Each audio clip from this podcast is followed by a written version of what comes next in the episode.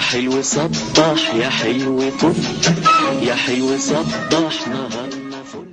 صباح الخير واهلا بيكم. معاكم سهى سعيد ودي أول حلقة من الحلقات الصباحية في بودكاست عس برتاية.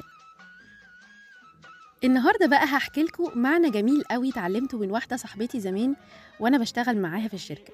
المشروع بقى اللي إحنا كنا بنشتغل فيه كان فيه Excel sheets إحنا بنشتغل عليها كانت معقدة وغامضة ومحتاجة شغل كتير وبايخة يعني من الآخر بايخة. المهم صاحبتي دي بقى عملت إيه؟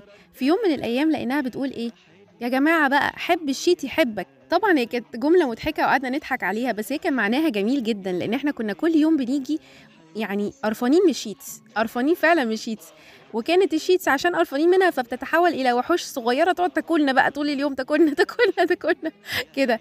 لكن فعلا لما هي قالت كده بهزار إحنا فعلا لما طبقنا المبدأ ده فاكتشفنا إن إحنا كل ما فعلا بندي للحاجة اللي قدامنا فرصة بتدينا هي فرصة فعلا وإن إحنا مش هنحبها ولكن هنتقبلها. والقبول ده بقى يخلينا إن إحنا نبقى قادرين نحس على الأقل إن إحنا الدنيا مش مقفولة للدرجة دي. يعني مش صندوق أسود مقفول مش هنعرف نفتحه بل بالعكس بدأنا بالهزار والضحك.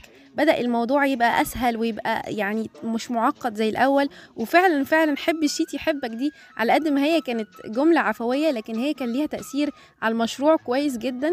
وعلى حياتي بعد كده أنا شخصيا يعني بعد كده بقيت أفتكر دايما الجملة دي وأقولها لما يبقى في حاجة أنا مش متقبلاها ومش سالكة معايا. وبعدين لما فعلا أبدأ إن أنا أتقبلها ما هي أمر واقع ساعتها فعلا بيبدأ يتخلق حالة من التواصل ما بيني وما بين الشيء البايخ ده.